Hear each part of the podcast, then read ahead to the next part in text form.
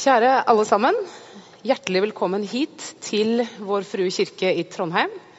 Til min trossamtale. Veldig hyggelig å se så mange som har kommet hit i dag. Og også velkommen til dere som følger med via streaming på Vårt Land og Vårt Lands Facebook-side. Eh, dette kan også ses i etterkant hvis noen har lyst til det, på Vårt Lands sider. Og ikke minst velkommen til Espen Ottosen, Takk. som har sagt ja til å fortelle om sin tro eh, i dette intervjuet. Eh, mange av dere kjenner nok Espen som informasjonsleder i Norsk Luthersk Misjonssamband.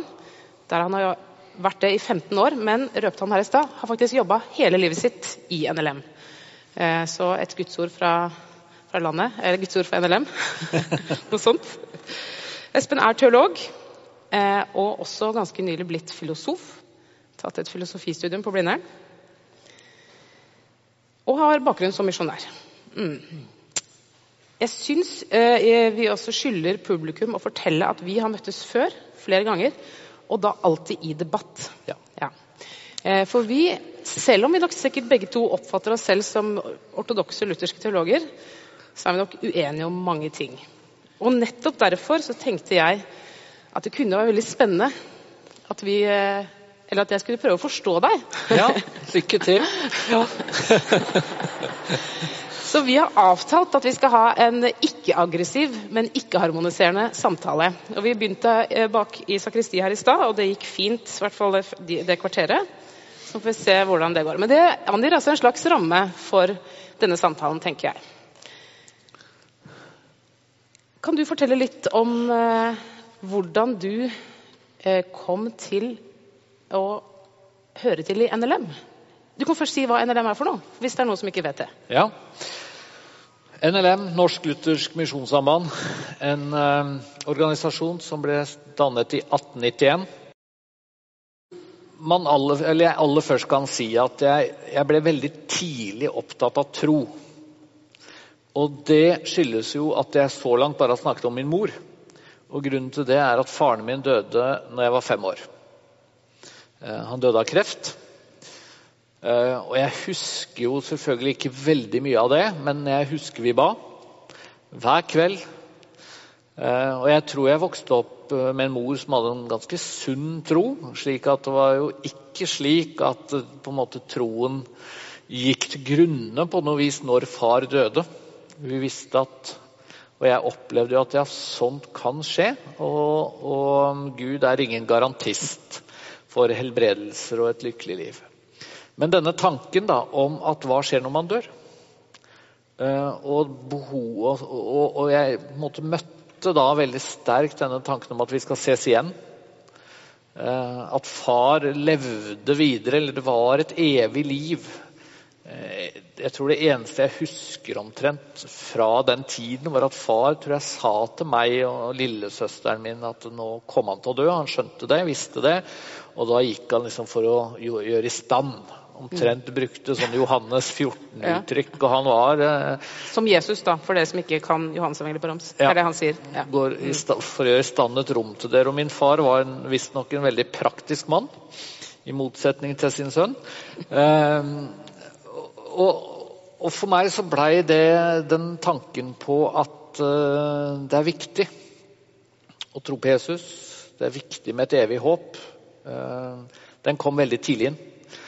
Um, så det er jo egentlig ikke vanskeligere enn at når jeg opplevde å, å, bli tatt godt imot i Misjonssambandet, opplevde at der fikk jeg nettverk, der fikk jeg venner. Uh, der opplevde jeg også dette spørsmålet vil du bli misjonær. Kan det være en, en, mulighet? Jeg begynte å reise litt som predikant. Det høres jo veldig sånn formelt ut. Da jeg var sånn 18 år, akkurat hadde fått lappen.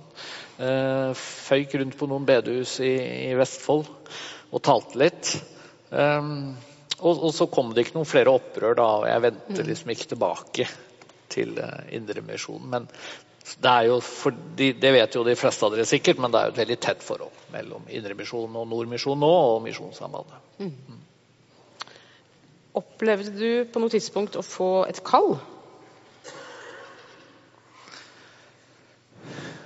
Altså, jeg tilhørte jo da et eh, et kristent miljø hvor dette spørsmålet 'Vil du bli misjonær?'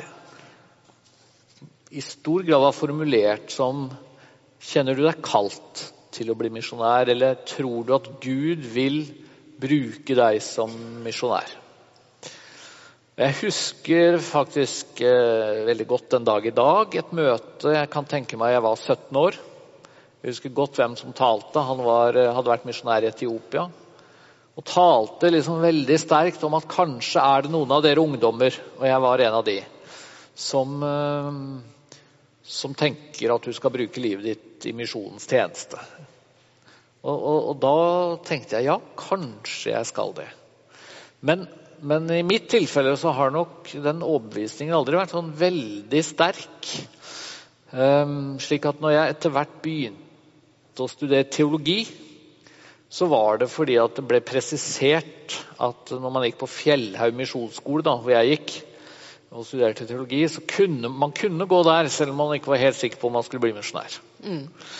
Uh, men, men, jeg kjente nok en sånn en formidlingstrang Mm. Tenkte at hvis det, det jeg tror på, er sant, hvis Jesus er veien, sannheten og livet, uh, hvis han er den eneste som gir et håp etter døden, ja, da er dette såpass viktig at jeg må ha en god grunn for å drive med noe annet enn teologi og formidling og kristendom. Og kanskje var det det.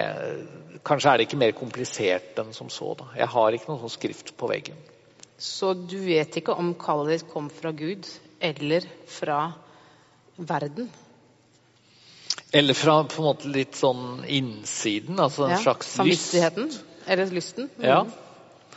Men eh, for meg er ikke det noe problem heller. Mm. Jeg, jeg, tror ikke på en sånn um, kallsforståelse hvor man må ha en skrift på veggen eller en veldig sterk opplevelse av at Gud har pekt på deg. Du skal ditt eller ditt. Jeg har møtt noen som har det sånn.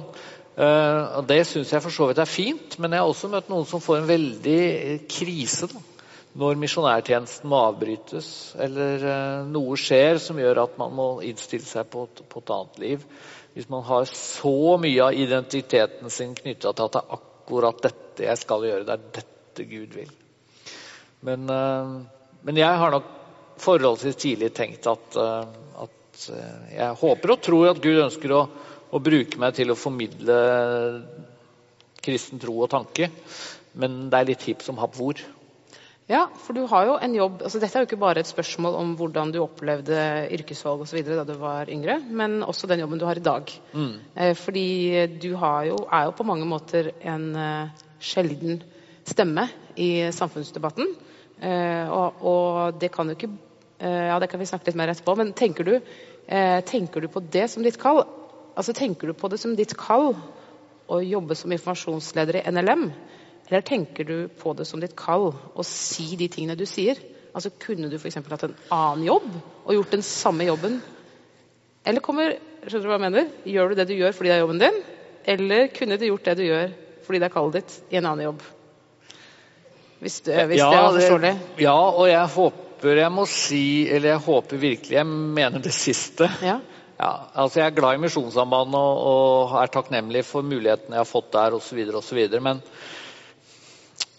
men jeg, jeg, tenker nok at det Misjonssambandet har gitt meg, er jo en mulighet til å leve ut noe jeg syns er viktig. Kall det gjerne kallet mitt. De har på en måte gitt meg en plattform eller en stilling eller en mulighet. Eh, det ville vært uh, mange andre jobber hvor en arbeidsgiver ville vært mindre positiv ja. til at jeg driver på sånn som jeg gjør, på et vis. Um, så, så, så, det handler ikke egentlig om at jeg bare har fått en jobb, og så gjør jeg den. Mm. Og det er jo det tror jeg er helt avgjørende. For meg så, så er jo jobb både jobb, men det er også kall og litt hobby. Mm. For jeg trives jo mm. med mye av det. Har du en liksom klar misjon? Håper du at det norske folk eh, får med seg disse tre punktene når du snakker? Liksom? Er det liksom én ting du vil, eller tenker du at du er en sånn eh, potet i Guds arbeidshær? Jeg kan godt være litt potet, og, men, men, jeg, jeg har nok litt sånn allergi mot uttrykket samfunnsdebattant. Ja. For det er en del som bruker det om meg. Og, og det er ikke det at jeg ikke forstår hvorfor. Og, og jeg lever sånn tålelig godt med det, men, men jeg har jo et ønske om kanskje i større grad å være en evangelist. Ja. Eller en predikant eller en forkynner eller en misjonær. Det er den type begreper som i mine ører klinger mye bedre. ja. Um, slik at, at hvis jeg da går inn i, denne, i disse samfunnsdebattspørsmålene, så er det nok med en tanke om å formidle kristendom. I et, men et litt sånn større perspektiv. Det er ikke bare å lese Johannes 3, 16. Ja. Ja. Nei, for Det er interessant, fordi det er jo en del sånn kristne eh, stemmer som sier sånn Jeg skulle ønske samfunnet slutta å være så opptatt av hva vi syns om homofili. Og så kunne vi få sagt det som er viktig for oss, for det er ikke det vi er egentlig opptatt av. Og jeg vil egentlig helst ikke snakke om dette. Men jeg, jeg mistenker at du kanskje ikke er helt der. At du syns egentlig det er litt gøy. Eh, fordi det har jeg tenkt på noen ganger når jeg har sett Jeg har jo hørt Espen på radio mange ganger, og sånn, men jeg hadde anledning her i, i vår til å se på Espen mens han var på radio. Altså, eh, Han satt og snakka inn i mikrofonen, og jeg så på, for jeg var i det samme rommet. Eh, og da så jeg at du satt og gliste litt. Grann. Eh, og at jeg tenkte jeg kanskje du egentlig er en liten sånn ertekrok. At du ikke, eh, for jeg tenkte på det før kanskje mest som en sånn martyr. Som liksom tar opp ditt kors og sier ting om homofili som folk ikke vil høre. Men så tenkte jeg kanskje du egentlig er mer en ertekrok. Ja, Det håper jeg jo ikke. Jeg tror ikke det er et positivt ord, er det det? Det kan jo være. Det er jo nei, Ja, men eh, ok, at du er at du, at du liker det litt mer enn eh, man kanskje skulle tro. Altså, det, dette er jo litt kinkig å snakke om, fordi at jeg har nok aldri tenkt på uttrykket ertekrok som veldig passende, men, Nei, okay. men det derre den derre- det der ønsket om å, å Og det er jeg jo akkurat nå, være et slags sånn søkelys. Det å synes. Det å høre mennesker som sier deg, 'Hørte deg på radio, det gikk bra. Takk skal du ha.' eller noe sånt. Det er jo veldig godt. Sant? Eh, Det er ikke så godt å få håndskrevne brev eller noe sånt om at jeg er en idiot. Mm. Det skjer jo, det òg. Men, men sånn i mitt privatliv så så får jeg jo mer positive tilbakemeldinger enn negative. Um, og jeg har sikkert eh, Altså, jeg er nok eh, noe sjenert sånn i møte med mennesker på tomannshånd i mindre sammenhenger. Men, men, men foran, på en scene da, eller foran større folkemengder så trives jeg sånn tålelig greit. Um, og alt sånt er jo ikke bra. Altså, det kan sikkert være, være et eller annet usunt ved det, da. Men, men, men jeg håper og tror i hvert fall at det som er det bærende ønsket mitt, det er å formidle klassisk kristen tro og tenkning. Og så har jeg nok ikke kjøpt helt det de sier som du siterte. At eh, kan vi ikke bare kutte ut alt dette homofili og samliv og alle disse småtingene og liksom snakke om det viktigste? Jeg, jeg tror på en måte ikke jeg tror de ser for seg en verden som ikke fungerer. Da, altså da, da måtte jeg i hvert fall bare droppe alt som handler om medier. Eh, for, for sånn er ikke medievirkeligheten skrudd sammen. De ønsker debatter og diskusjoner, og de er på jakt etter uenighet og den slags. Og jeg kunne meldt meg ut av det, men da ville jo min stemme antagelig blitt ganske usynlig. Ellers måtte noen andre gjort det. Så, så jeg har liksom ikke sett den store gevinsten i det. da. Men, men jeg ønsker jo ikke å opptre unødvendig provoserende eller eh, Og jeg syns jo det er vondt, for det hender jo jeg møter mennesker som sier eh, du er klar over at din måte, altså at det du sier, gjør det vanskeligere å snakke om Jesus. Fordi folk går rundt og tror det eneste man er opptatt av, er homofili og samliv og det sjette budet og sånn. Og, og det, eh, det syns jeg er ubehagelig. Jeg vil jo ikke at det skal være sånn. Knut Olav Åmås, som nå er sjef i Fritt Ord, og som var debattredaktør i, Aftenposten, han skrev en bok som het eh, 'Verdien av uenighet' for kanskje ti år siden, noe sånt nå, litt mer, hvor han eh, løfta fram noen stemmer som han mente var, eh, var dissidentene i Norge. Og en av dem var Børre Knutsen, eh, og så var det litt forskjellige folk. Eh, han, han, for han var definisjonen av en dissident, og han brukte dette altså i positiv forstand, en dissident. Det var en eh, som kunne løfte konfliktfylte temaer uredd, og våget å stå alene. Og han, eh, han ville løfte fram disse stemmene og mente at de hadde en viktig samfunnsfunksjon. Um, og, og, det er klart at det er jo en verdi i friksjon, nesten samme hva eh, den friksjonen går ut på. Altså i, i, samfunnsdebatten eller i de store samtalene. Eh, men, men, uh, men, ja, ville du, ville du, oppfatte deg selv som en Identifiserer du deg med, med dissidentbegrepet? Både òg.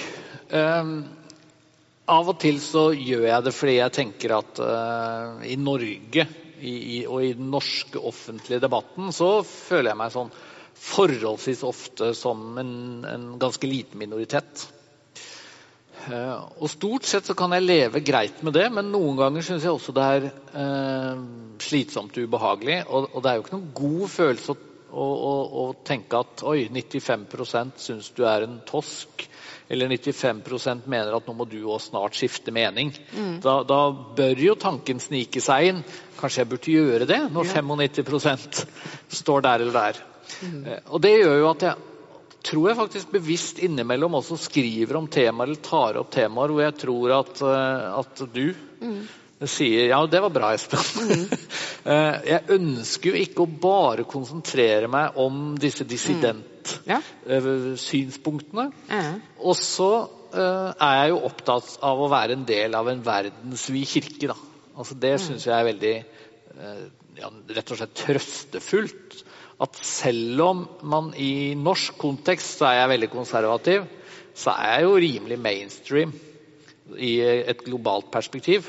Mm. Uh, det, det, jeg prøver å tenke det mm. også. Jeg har ikke noe behov for å, å, bare være imot et eller annet siden alle andre er for. Men det er jo, jeg tenker jo, det er også en slags type fare som ligger i det å være en sånn hoffdissident. Sånn som Blitz, da, som liksom er statsfinansiert anti-establishment-opplegg. Det er jo noe paradoksalt med liksom at samfunnet holder seg med noen som skal mene det motsatte av hva samfunnet mener. Man kan jo fort bli en negasjon. Bare en sånn automatisk bryter liksom, mot, eh, mot det som er, er, eh, er hovedmeningen. og Eh, og det er jo ikke bra heller. Altså da, da, da, blir man jo en automatisk motkultur istedenfor å være en automatisk medkultur. Det, ikke, det, ikke noe det har ikke noe mer med Jesus å gjøre, liksom. Nei, og jeg tror det er, det er absolutt to grøfter å gå i. Altså Den ene grøften, og det er på ett vis kanskje den enkleste og den letteste å velge, det er å gå med strømmen. Men den, den uh, motsatte grøften, hvor du på en måte er imot alt nytt, du er imot flertallet og for en del kristne så handler det jo om bibeltekster, om at altså Jesus sier at de vil forfølge dere, og veien, den rette veien, den smale vei og slik. Og, og Dyrker man bare det, blir bare opptatt av det, så blir jo faren at man ikke er interessert i reelle diskusjoner. Man er ikke interessert i å tenke over kunne jeg sagt ting på en annen måte. For jo sintere folk blir, jo sikrere er man på at man har rett. Mm. For man skal liksom være en forfulgt mm. minoritet. Mm. Uh, og jeg syns jeg møter i, i, våre sammenhenger, eller i noen kristne miljøer, så syns jeg den tanken av og til lever litt for godt. da. Ja, og så er det i tillegg det at selv om du av de 95 av Norges befolkning altså hvis, hvis, det stemmer da, at de mener at du tar feil, så de fem andre, så er jo du kongen. ikke sant? Så du har jo også på en måte en slags maktbase selv. Eh, for det er jo det som eh, Knut Olav Åmås ikke tok opp i sin bok, at eh, de stemmene han, han bringer fram, de er jo ikke avmektige stemmer. Altså, de har jo De kommer fra et sted hvor de er hoved... Den, den, den høyeste røsten. Og hvor, hvor, noen andre er dissidenter. Ja, og da får man jo dette ekkokammerproblematikken. Hvor hvor forholdsvis små miljøer eh, bare gjensidig bekrefter hverandre. Eh, og du nevnte jo i stad at, eh, at, jeg studerte filosofi for noen år siden. Og det var nok litt av det som lå bak det. Mm. Altså Jeg har lest veldig mye teologi, veldig mye trosforsvar, apologitikk. Jeg syns sånt er spennende. Men jo mer jeg leste om hvorfor det gir så veldig god mening å tro på Gud og være kristen, mm. jo mer tenkte jeg i hvert fall innimellom at Mon tro hva de solide skeptikerne sier til dette? Hva, hva, sier en ateistisk filosof til det argumentet, til den tankegangen? Og så tenkte jeg kanskje jeg skulle studere filosofi og gjøre det på Blindern og møte den ugudelige gjengen der borte. For å på en måte i hvert fall være sikker på at når jeg snakker om hva jeg tror, så er jeg klar over hva slags innvendinger jeg vil møte.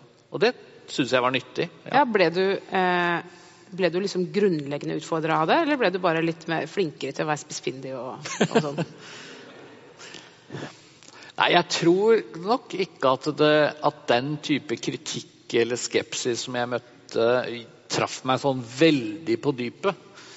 Men min sterkeste følelse det var nok at uh, jeg syns at en del av mine medkristne gjør ting for enkelt. Uh, er for uh, raske i argumentasjonen sin. Fordi at jeg, jeg så at, at, det er innvendinger der ute. Det er måter å tenke på som, som vi må ta på alvor. Da. Vi kan ikke bare feie all skepsis av banen. Det betyr at det var av, primært av teologisk og apologetisk interesse du studerte filosofi. Altså det var for å finne ut dette med teologiens sannhetsgehalt, liksom? Og ikke andre typer spørsmål som også dukker opp i filosofien, som kanskje kan være like anfektende? Nei, jeg tror jeg, jeg i stor grad uh, startet med filosofi. Jo, jeg syns jo det er generelt interessant. Mm. Men, men, jeg tror uh, hovedgrunnen var at jeg ville være sikker på at jeg ikke lever i altfor stor grad i en slags sånn lukket getto. da. Hvor jeg er høvdingen. Og, ja. ja. Men det er jo interessant med dette med liksom sikkerheten. Jeg syns at du virker sikker når du snakker. Så virker det som du er ganske sikker, eller du er helt sikker på at det du sier, er det som er rett å si. Um, og det kan jo hende at det er bare en sånn uh, Det handler om måten man snakker på, eller et eller annet sånt noe. Men, men, men er, eller, eller er du, føler, opplever du deg sikker når du fremfører et argument i en diskusjon? Eh. Jeg opplever at det varierer. Eh, og, og, det å være i debatter er For det er mange som spør meg også av og til om jeg er nervøs, om mm. jeg er usikker og sånn. Og, og, det varierer jo også veldig. Mm. Noen ganger så syns jeg at jeg har forberedt meg godt og har gode argumenter og, og tenker at de jeg skal snakke med og diskutere mm. med, de de, dette kommer til å gå greit. Eh, og andre ganger så er jeg jo redd for å møte folk som er flinkere, eller som har argumenter jeg ikke har mm. tenkt på. Og, uh, men jeg har nok en ganske sånn trygg tro, sånn mm. grunnlagstro, da, mm. på at uh, det holder mål å være kristen. Og den sånn grunnleggende tilliten min til Bibelen da er jo ganske men, stor og, og ligger i bunnen. Det er jo kanskje greit å ha den, eh, den, holdningen når du skal snakke med noen ateistisk eh, i en debatt om det, men når du er innenfor det kirkelige og snakker med sånn som meg, f.eks., og du fortsatt virker ganske sikker, selv om jeg også mener at jeg er rett om det kristne, er det ikke eh, Eller ja, er du, er du, fortsatt like sikker da? Ha. Jeg vil ikke være skråsikker. Det er et begrep jeg ikke liker. Um, og jeg håper, hvis vi, eller når eller hvis vi går i en diskusjon om et eller annet hvor det er veldig tydelig at vi er uenige, så ønsker jeg jo å ikke avfeie mm. det du sier, argumentene du, du bruker. Og det syns jeg jo er et kjempeproblem med mye debatt i Norge i dag. Det er jo at folk går inn i et studio, og de har med seg et manus. Og de starter med å si 'først vil jeg gjerne få sagt at'. Mm. Og hva motparten sier, er altså Det betyr ingenting. Man har øvd på, på noen setninger, og de sier man. Punktum. Ja. Og jeg ønsker ikke å opptre sånn. Jeg ønsker ikke å være sikker på den måten. Mm. Men, men, eh, men, jeg er sikkert eh, sta og, og vrien, og, og jeg tror ikke jeg forandrer mening sånn veldig ofte, men det har, har skjedd, ja. tror jeg. Ja, for tenk nå at du, at du faktisk tar feil. At Gud vil at uh, homofile skal kunne gifte seg i kirka. La oss se, se, for, se, at vi ser for oss det. Det er lettere for noen av oss enn andre, kanskje. Men uh, at du tar feil. Er, er, det ikke Jeg tenker at Uansett hva som er argumentasjonen for det man mener og det man formidler, når man driver med formidling, sånn som du gjør, så er det ganske høyt spill å ha et synspunkt. Man er Altså Uh, hvis jeg sier jeg tror at Gud vil at, folk, at homofile skal kunne gifte seg i kirka, og du sier jeg mener at Gud ikke syns det, så er det jo et høyt spill fra begge kanter. Ja. Og jeg har, Blir har du litt redd, liksom? Ja, og det Ja. syns jeg man skal være. Og Ja. det er klart at du har jo tekster i Bibelen. altså Jesus snakker jo om den som forfører noen. Det var bedre om det hang en kvernstein rundt halsen på vedkommende. Det, det blir jo ikke mer alvorlig enn det. Mm. Nei. Så er det Så- meg, liksom. Ja. Så, og, og ja. nå, nå liker jo ikke jeg Eller jeg, jeg syns jo ikke det er kjekt på en måte at alle debatter handler om homofili. Den, Mm. den tar på en måte for stor plass. Det vil jeg tippe at vi er enig i i den, i den kristelige offentlige debatt. Men jeg, kan, jeg innrømmer faktisk gjerne at når jeg møter eh, et homofilt eh, medmenneske som er uenig med meg, som kanskje lever i et parforhold, og sier at man har et godt, man har et godt liv, men, eh, men hvis vedkommende skulle hørt på meg, så ville man ikke fått et så godt liv. Og kan du virkelig mene at Gud er imot dette, er imot min kjærlighet? Eh, Det, det treffer jo hardt, det. Mm. Eh, og, og, og det hender at jeg bruker noen dager på å komme meg Mm. etter den type samtaler og tenke og reflektere. Og jeg husker veldig godt når biskop Laila Riksåsen Dahl snudde i homofilispørsmålet. Da husker jeg nileste det hun skrev, eh, argumentasjonen, og tenkte Er hun inne på noe? Men så kjenner jeg nok en sånn veldig sterk forpliktelse til å da ikke velge den løsningen veldig mange andre kanskje velger, med at dette er så vanskelig at det får jeg overlate til teologene. Altså, jeg, er jo teolog. jeg, jeg har på en måte en lederposisjon. Jeg, jeg kan ikke gjemme meg. da. Eh, Den, jeg tenker at Den muligheten fins ikke da. Ja. Da måtte jeg jo gjemt meg ved å bli taxisjåfør. Ja. Ja, for Har du liksom noe tvil knytta til Da tenker jeg ikke egentlig primært på om du tviler på Gud. Jeg vil gjerne si noe om det også hvis du syns det er noe spennende der. Men har du tvil på prosjektet, liksom? På, på det å Altså på institusjonene som vi har, på samtalene som vi fører i den kristelige offentligheten, eller offentligheten generelt. Eh, på din stemme. Eh, på ditt liksom ideologiske anliggende. Ja? Ja, altså Det er jo mye lettere å være i en bevegelse eller i en eller annen sammenheng hvor det er vekst, og hvor det kommer mye unge mennesker til, og, og hvor pilene peker oppover. Og, og det fins gode historier i, i vår sammenheng, i min organisasjon, som, som kan gi litt oppmuntring og glede. Men, men det er jo stusslig å være kristen i Norge for tiden. Jeg vil jo si det. Sånn, Hvis du skal velge et fugleperspektiv på tro, så, så er det jo slik at det er flere piler som peker nedover enn oppover. Um, og og det, da krever det jo mer å tenke at det er verdt det likevel. Uh, jeg vil bruke livet mitt på dette. Og Det hender jo også at noen kommer til meg uh, i forbindelse med diskusjoner og debatter og sier ja, ja, du, får, du protesterer litt nå, men om ti år så er det du står for, på en måte, da er det så avleggs at ingen vil høre det. Eh, og hvilken debatt har du egentlig vunnet? Ikke sant? Eh, man kan protestere mot eggdonasjon eller surrogati eller kjønnsnøytral ekteskapslov eller forskning på befruktede egg eller Alle disse kampene man står i. Eh, hva skal man tenke hvis man taper hver eneste en? Og jeg vet jo at KrF har jo av og til blitt sagt om at det er liksom partiet, de tapte sakers parti. Det begynte med at man kjempet mot farge-TV-en. Eh, og så har det bare ballet på seg. Men det er jo eh, jeg, tenker jo eh, Selv for en eh, verdikonservativ person i Norge så vil man kunne se piler som gikk andre retning. da. Vi har f.eks. fått sexkjøpsloven. Det er forbudt å kjøpe sex. Eh, vi har et, eh, en større innsats mot trafficking enn vi har hatt før. Eh, nynorsken er tilbake. Altså Det finnes jo mange ting som skjer i, i samfunnet som man ikke skulle trodd. Som man ikke skulle trodd for 15 år siden. liksom. At, at det er, Så det handler kanskje også noe om hvilke ting man velger å se på. Ja, og, og det er nok noe av det jeg helt bevisst velger òg. At jeg tenker at, at det blir feil. For en kristen å være så nærsynt. At man på en måte tar en stemningsbølge, en popularitetsmåling, og sier at her er det bare å være på parti med, med flertallet. da. Eh, og jeg tror virkelig, som du sa i stad òg, at det er en verdi i uenighet. Det er veldig, veldig viktig at noen altså Når det skjer en kjempestor endring i et samfunn, så er det viktig at det er noen som protesterer, så man i hvert fall får anledning til å diskutere. Er dette bra? Eh, Er det noen argumenter vi ikke ser?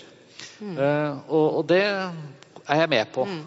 Og så er jeg nok ikke så Når jeg er i diskusjoner og debatter, og den slags, så er jeg nok ikke så veldig interessert i å vinne politisk. Det overlater egentlig til politikere. KrF og Høyre og, og alt dette. De, de får på en måte drive den politiske. Jeg er ikke noen lobbyist. Jeg tenker at, at min rolle er å, å, å si det jeg mener er sant og rett. Um, og så er det litt sånn u uviktig. Altså, da har jeg gjort mitt, tenker jeg. Ja. Ja, ikke fordi det er uviktig hva som skjer, men fordi at du har din jobb, og så Ja. er det noen andre som har sin jobb. liksom. Ja. Mm. Litt, ja, ganske sånn. Ja. Og jeg har med meg Bibelen i dag. Det pleier jeg ofte å ha når jeg går i diskusjoner og debatter. Og det er også litt for å minne meg selv om at, at jeg er ikke en sånn frittgående synser, selv om noen kanskje ser på meg slik. Jeg, jeg ønsker å være en forkynner, da, en kristen stemme. Og, og, så, så, så får nå tidsutviklingen svinge litt Ja. att og fram. Men eh, siden du nå satte ord på at du sitter med en bibel i fanget, eh, vil du si at du er en bibelsist, f.eks.? Nei, jeg vil nok ikke det. Jeg, jeg, jeg tenker jo at begrepet bibelsist, som f.eks. begrepet fundamentalist, er jo slike begreper ingen selv bruker om seg selv. Det er jo mer et begrep som andre plasserer på folk de ikke liker. Så Sånn sett så ville det vært, vært dumt av meg også å sagt at jeg var biblisist. Men jeg, jeg har Jeg tror jeg har Når det gjelder Bibelen, da, synet mitt på Bibelen, så har jeg en veldig sånn Ønsker hans høy tillit. Og tenker at Bibelen har troverdighet og høy troverdighet. Og, og så er det slik at i en luthersk sammenheng så, så er jo dette med Bibelen alene eller eh, Det er ikke Bibelen alene. Det er jo Skriften alene. Skriften alene. Ja. Ok, du gjør en distinksjon der. Ja, jeg kom på nå at jeg egentlig ikke vet om det er en distinksjon, eh, så det, jeg kan trekke det tilbake. Ok. Men i hvert fall Bibelen som, som på en måte øverste autoritet da, for lære og liv, det, det, det ligger veldig sånn dypt i meg. Og, og for å være litt imøtekommende, for du tenker jo litt annerledes om bibelsyn og, og den slags enn jeg gjør, så tenker jeg jo ikke at det er bare enkelt å forsvare mitt bibelsyn og mitt ståsted. Det, det fins argumenter imot det. Men, men da vil jeg gjerne svare de som står på noe mer sånn liberale fløy, eller hva man nå kaller det, at uh, det er litt som pest eller kolera. Ok, mitt ståsted har sine problemer, men det har jammen ditt òg. tenker jeg nok ofte. Og, og da, da syns jeg at det er noe trygt i det å, å tenke at, eh, at jeg ønsker å ha den en, en slik holdning til Bibelen da, som har vært tross alt ganske dominerende i mange kirkesamfunn og i, opp gjennom kirkens historie. Og at eh, noe av den veldig moderne teologien opplever jeg som, som litt sånn uh, mote i noen deler av Vesten de siste 100 årene. For å provosere litt, da. Ja. Men eh, eh, du sier at du har et bibelsyn hvor du, du ønsker å tenke at Bibelen har høy tillit. Det var det du sa? Jeg, at jeg har høy tillit til Bibelen. Du har høy Ja. tillit til Bibelen. Ja. Eh, men eh, det er jo det er jo Da sier du jo egentlig, med en gang du har sagt det, så sier du at du ikke kan ta ethvert ord fra Bibelen ut av sine permer og applisere det direkte på verden. ja. Ja. For det ville vært et biblisistisk ståsted. Men hvordan funker det i praksis? Hvis du har et spørsmål hvor du med din fornuft på en måte kunne tenke deg å mene noe annet enn det som sto i Bibelen, Men det står noe i Bibelen som altså motsier denne fornuften din. Og du har høy tillit til Bibelen, men den er ikke absolutt. Hvordan funker det i praksis da? Hva er det som vinner?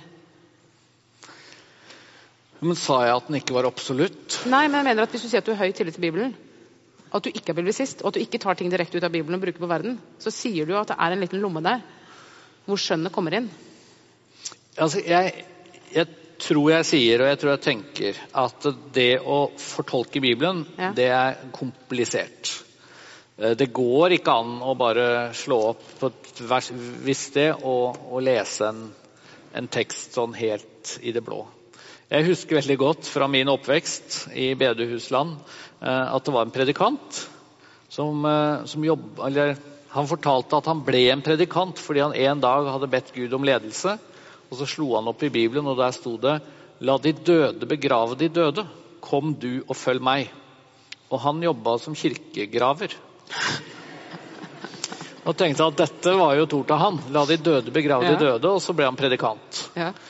Eh, og, for meg så lyser varselklokkene, eller det er vel alarmklokkene som lyser, og varsellamper og ja. eh, På en sånn bibelbruk. Jeg tenker ikke sånn.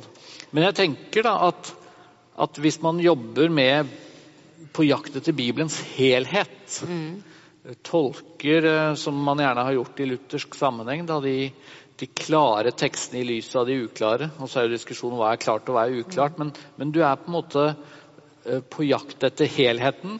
Mm. De bærende prinsippene, de lange linjene. Så vinner de, tenker jeg. Og i et uh, konkret eksempel, som f.eks. når det gjelder kvinnelige prester. Jeg er ordinert prest i Norsk kirke, men det anerkjenner ikke du. Eller jeg vet ikke hvordan du tenker om det. Du, du, du er mot ordningen med kvinnelige prester, er det ikke slik? Ja, uh, dette er jo ikke noe jeg snakker ofte om. Og spørsmålet om kvinnelig prestetjeneste er jo blitt et veldig lite spørsmål som debatteres lite. Og det er sikkert folk som sitter her og tenker Fins det mennesker under 50 år? Eh, og det er jeg så vidt, da. Ja. Under 50.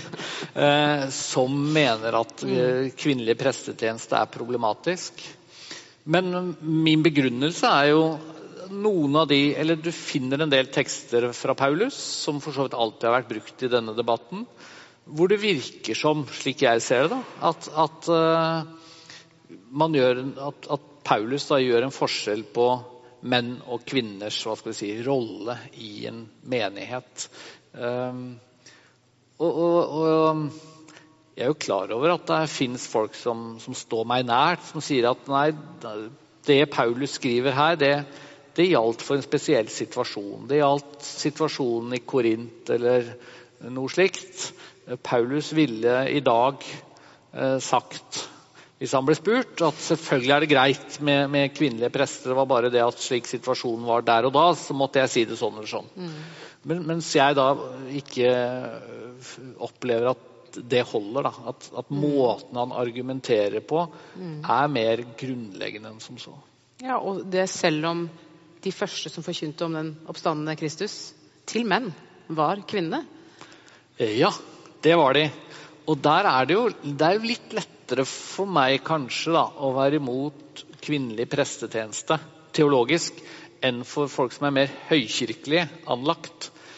For i den organisasjonen jeg tilhører, i den kulturen jeg tilhører, så har vi jo hatt kvinnelige forkynnere. Så lenge de ikke er ordinerte prester. Ja. Ja. Så det er diskvalifiserende, egentlig. Ja, det er litt kinkig Ja, med ordinerte prester ja, av den grunn. Men altså den mest kjente misjonæren vi hadde, var jo Marie Monsen, som var misjonær i Kina. Eh, og hun eh, talte på et stort stevne på Fjellhaug i 1920. Det er 98 år siden. Og da var det en mann som syntes at det var problematisk, og som trakk seg fra Misjonssambandet og NLM pga. det i protest. Mens Marie Monsen da fikk organisasjonens støtte. Jo, vi, vi vil forkynnelse fra kvinner, det er bra. Vitnetjeneste fra kvinner er bra. Så i vår organisasjon har man jo da gjort et skille. og Mener jo selvfølgelig at det kan på en måte begrunnes med tekstene her. Og, og du trekker jo fram en relevant tekst. Kvinner forkynte at Jesus var stått opp. Ok, da kan vi ikke sette grensen der. Men er det noe annet da Paulus vil si? Og da øh, er vår, vårt perspektiv at ja, han sier noe om hvem som skal ha det øverste lederansvaret i en menighet. Mm. Så du, du, har jo faktisk I England så er det jo vanligere enn i Norge. Blant den mer konservative fløyen i den anglikanske kirke så sier man jo ja til kvinnelige kapellaner, mm. nei til kvinnelig sogneprest. Mm. Ut ifra den tanken at nei, det, problemet er Eller opp, det, det, dette handler om å si nei til at, eller si ja til at det er menn som har det øverste kirkelige ansvaret. Men la oss bruke kvinner ja. der vi kan. Men plager det deg eh, at eh, jeg f.eks. og antageligvis en god del kvinner med meg av denne grunn aldri ville satt våre bein i en sambandssammenheng? Ja, det må jeg jo svare ja til. Mm. Og jeg, jeg møtte senest i går så møtte jeg i forbindelse med en debatt, så kom det en dame bort til meg etterpå. Eldre kvinne som var oppvokst i Misjonssambandet. Hadde veldig mye fint å si om organisasjonen, men sa at eh, men, men det er kvinnesynet mm. som gjør at jeg ikke føler meg hjemme, eller hvordan hun nå mm. formulerte det. Um, og det er jo ubehagelig. og og så er jo jeg, jeg tenker jo at dette spørsmålet heller ikke er grunnleggende i kristen Nei. tro. Og det er jo en av grunnene til at jeg nok ikke snakker så veldig ofte mm. om det. Fordi det er ikke det, er ikke det som, gjør, som setter de viktige skillene, tenker jeg. Mm. Det kan du si fordi du er mann, vet du. ja, jeg ser den. At det antageligvis uh, Altså Det å formulere seg da, som mann med mitt ståsted på en sånn måte at det ikke mm. oppleves krenkende, mm. det Jeg erkjenner at det er det kanskje både vanskelig for meg å sette meg inn i, og, og det mm. er vanskelig å gjøre det. Mm. Men jeg, jeg, har jo jeg f.eks. lært meg til da, at jeg aldri sier at jeg er imot kvinnelige prester. Mm. For du er jo en kvinnelig prest, og da mm. høres det ut som jeg er imot oss. Mm. Og det, det, det, blir noe helt feil med den måten å uttrykke seg på. Så jeg ville jo da sagt at jeg er negativ til ordningen med kvinnelig prestetjeneste. Og så vet jeg ikke hvor mye bedre humør det gjør deg. Ikke så mye. Men, men, men, for meg så er det i hvert fall en måte å si at det er en ordning, ja. det er en teologisk ståsted mm. jeg vil diskutere. Jeg ønsker ikke å gå på person. Mm. Nå har vi snakka veldig mye om uh, de tingene som er vanskelig og problematiske osv. Uh, men har du, noe, har du noe håp for uh, kristendommen i vårt land? Eller altså i vårt land, ikke i avisa Vårt Land. Men eh, har du noe lys?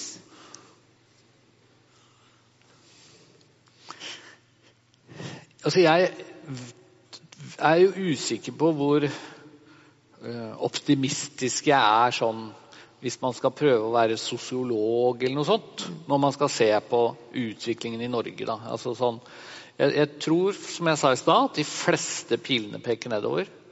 Men samtidig tenker jeg at det kan komme motreaksjoner. Det kan komme pendelsvingninger andre vei. Og nå kommer jeg rett hit til Trondheim fra, et, fra vårt ungdomsstevne i Ålgård utenfor Stavanger. Og det jeg er aldri så oppglødd mm. uh, som jeg er i begynnelsen av august hvert år. Mm. For da har jeg vært der, mm. og så har jeg vært kanskje på en misjonærinnvielse. Denne gangen var det en 25-åring som ble innvia som misjonær, skal reise til Japan.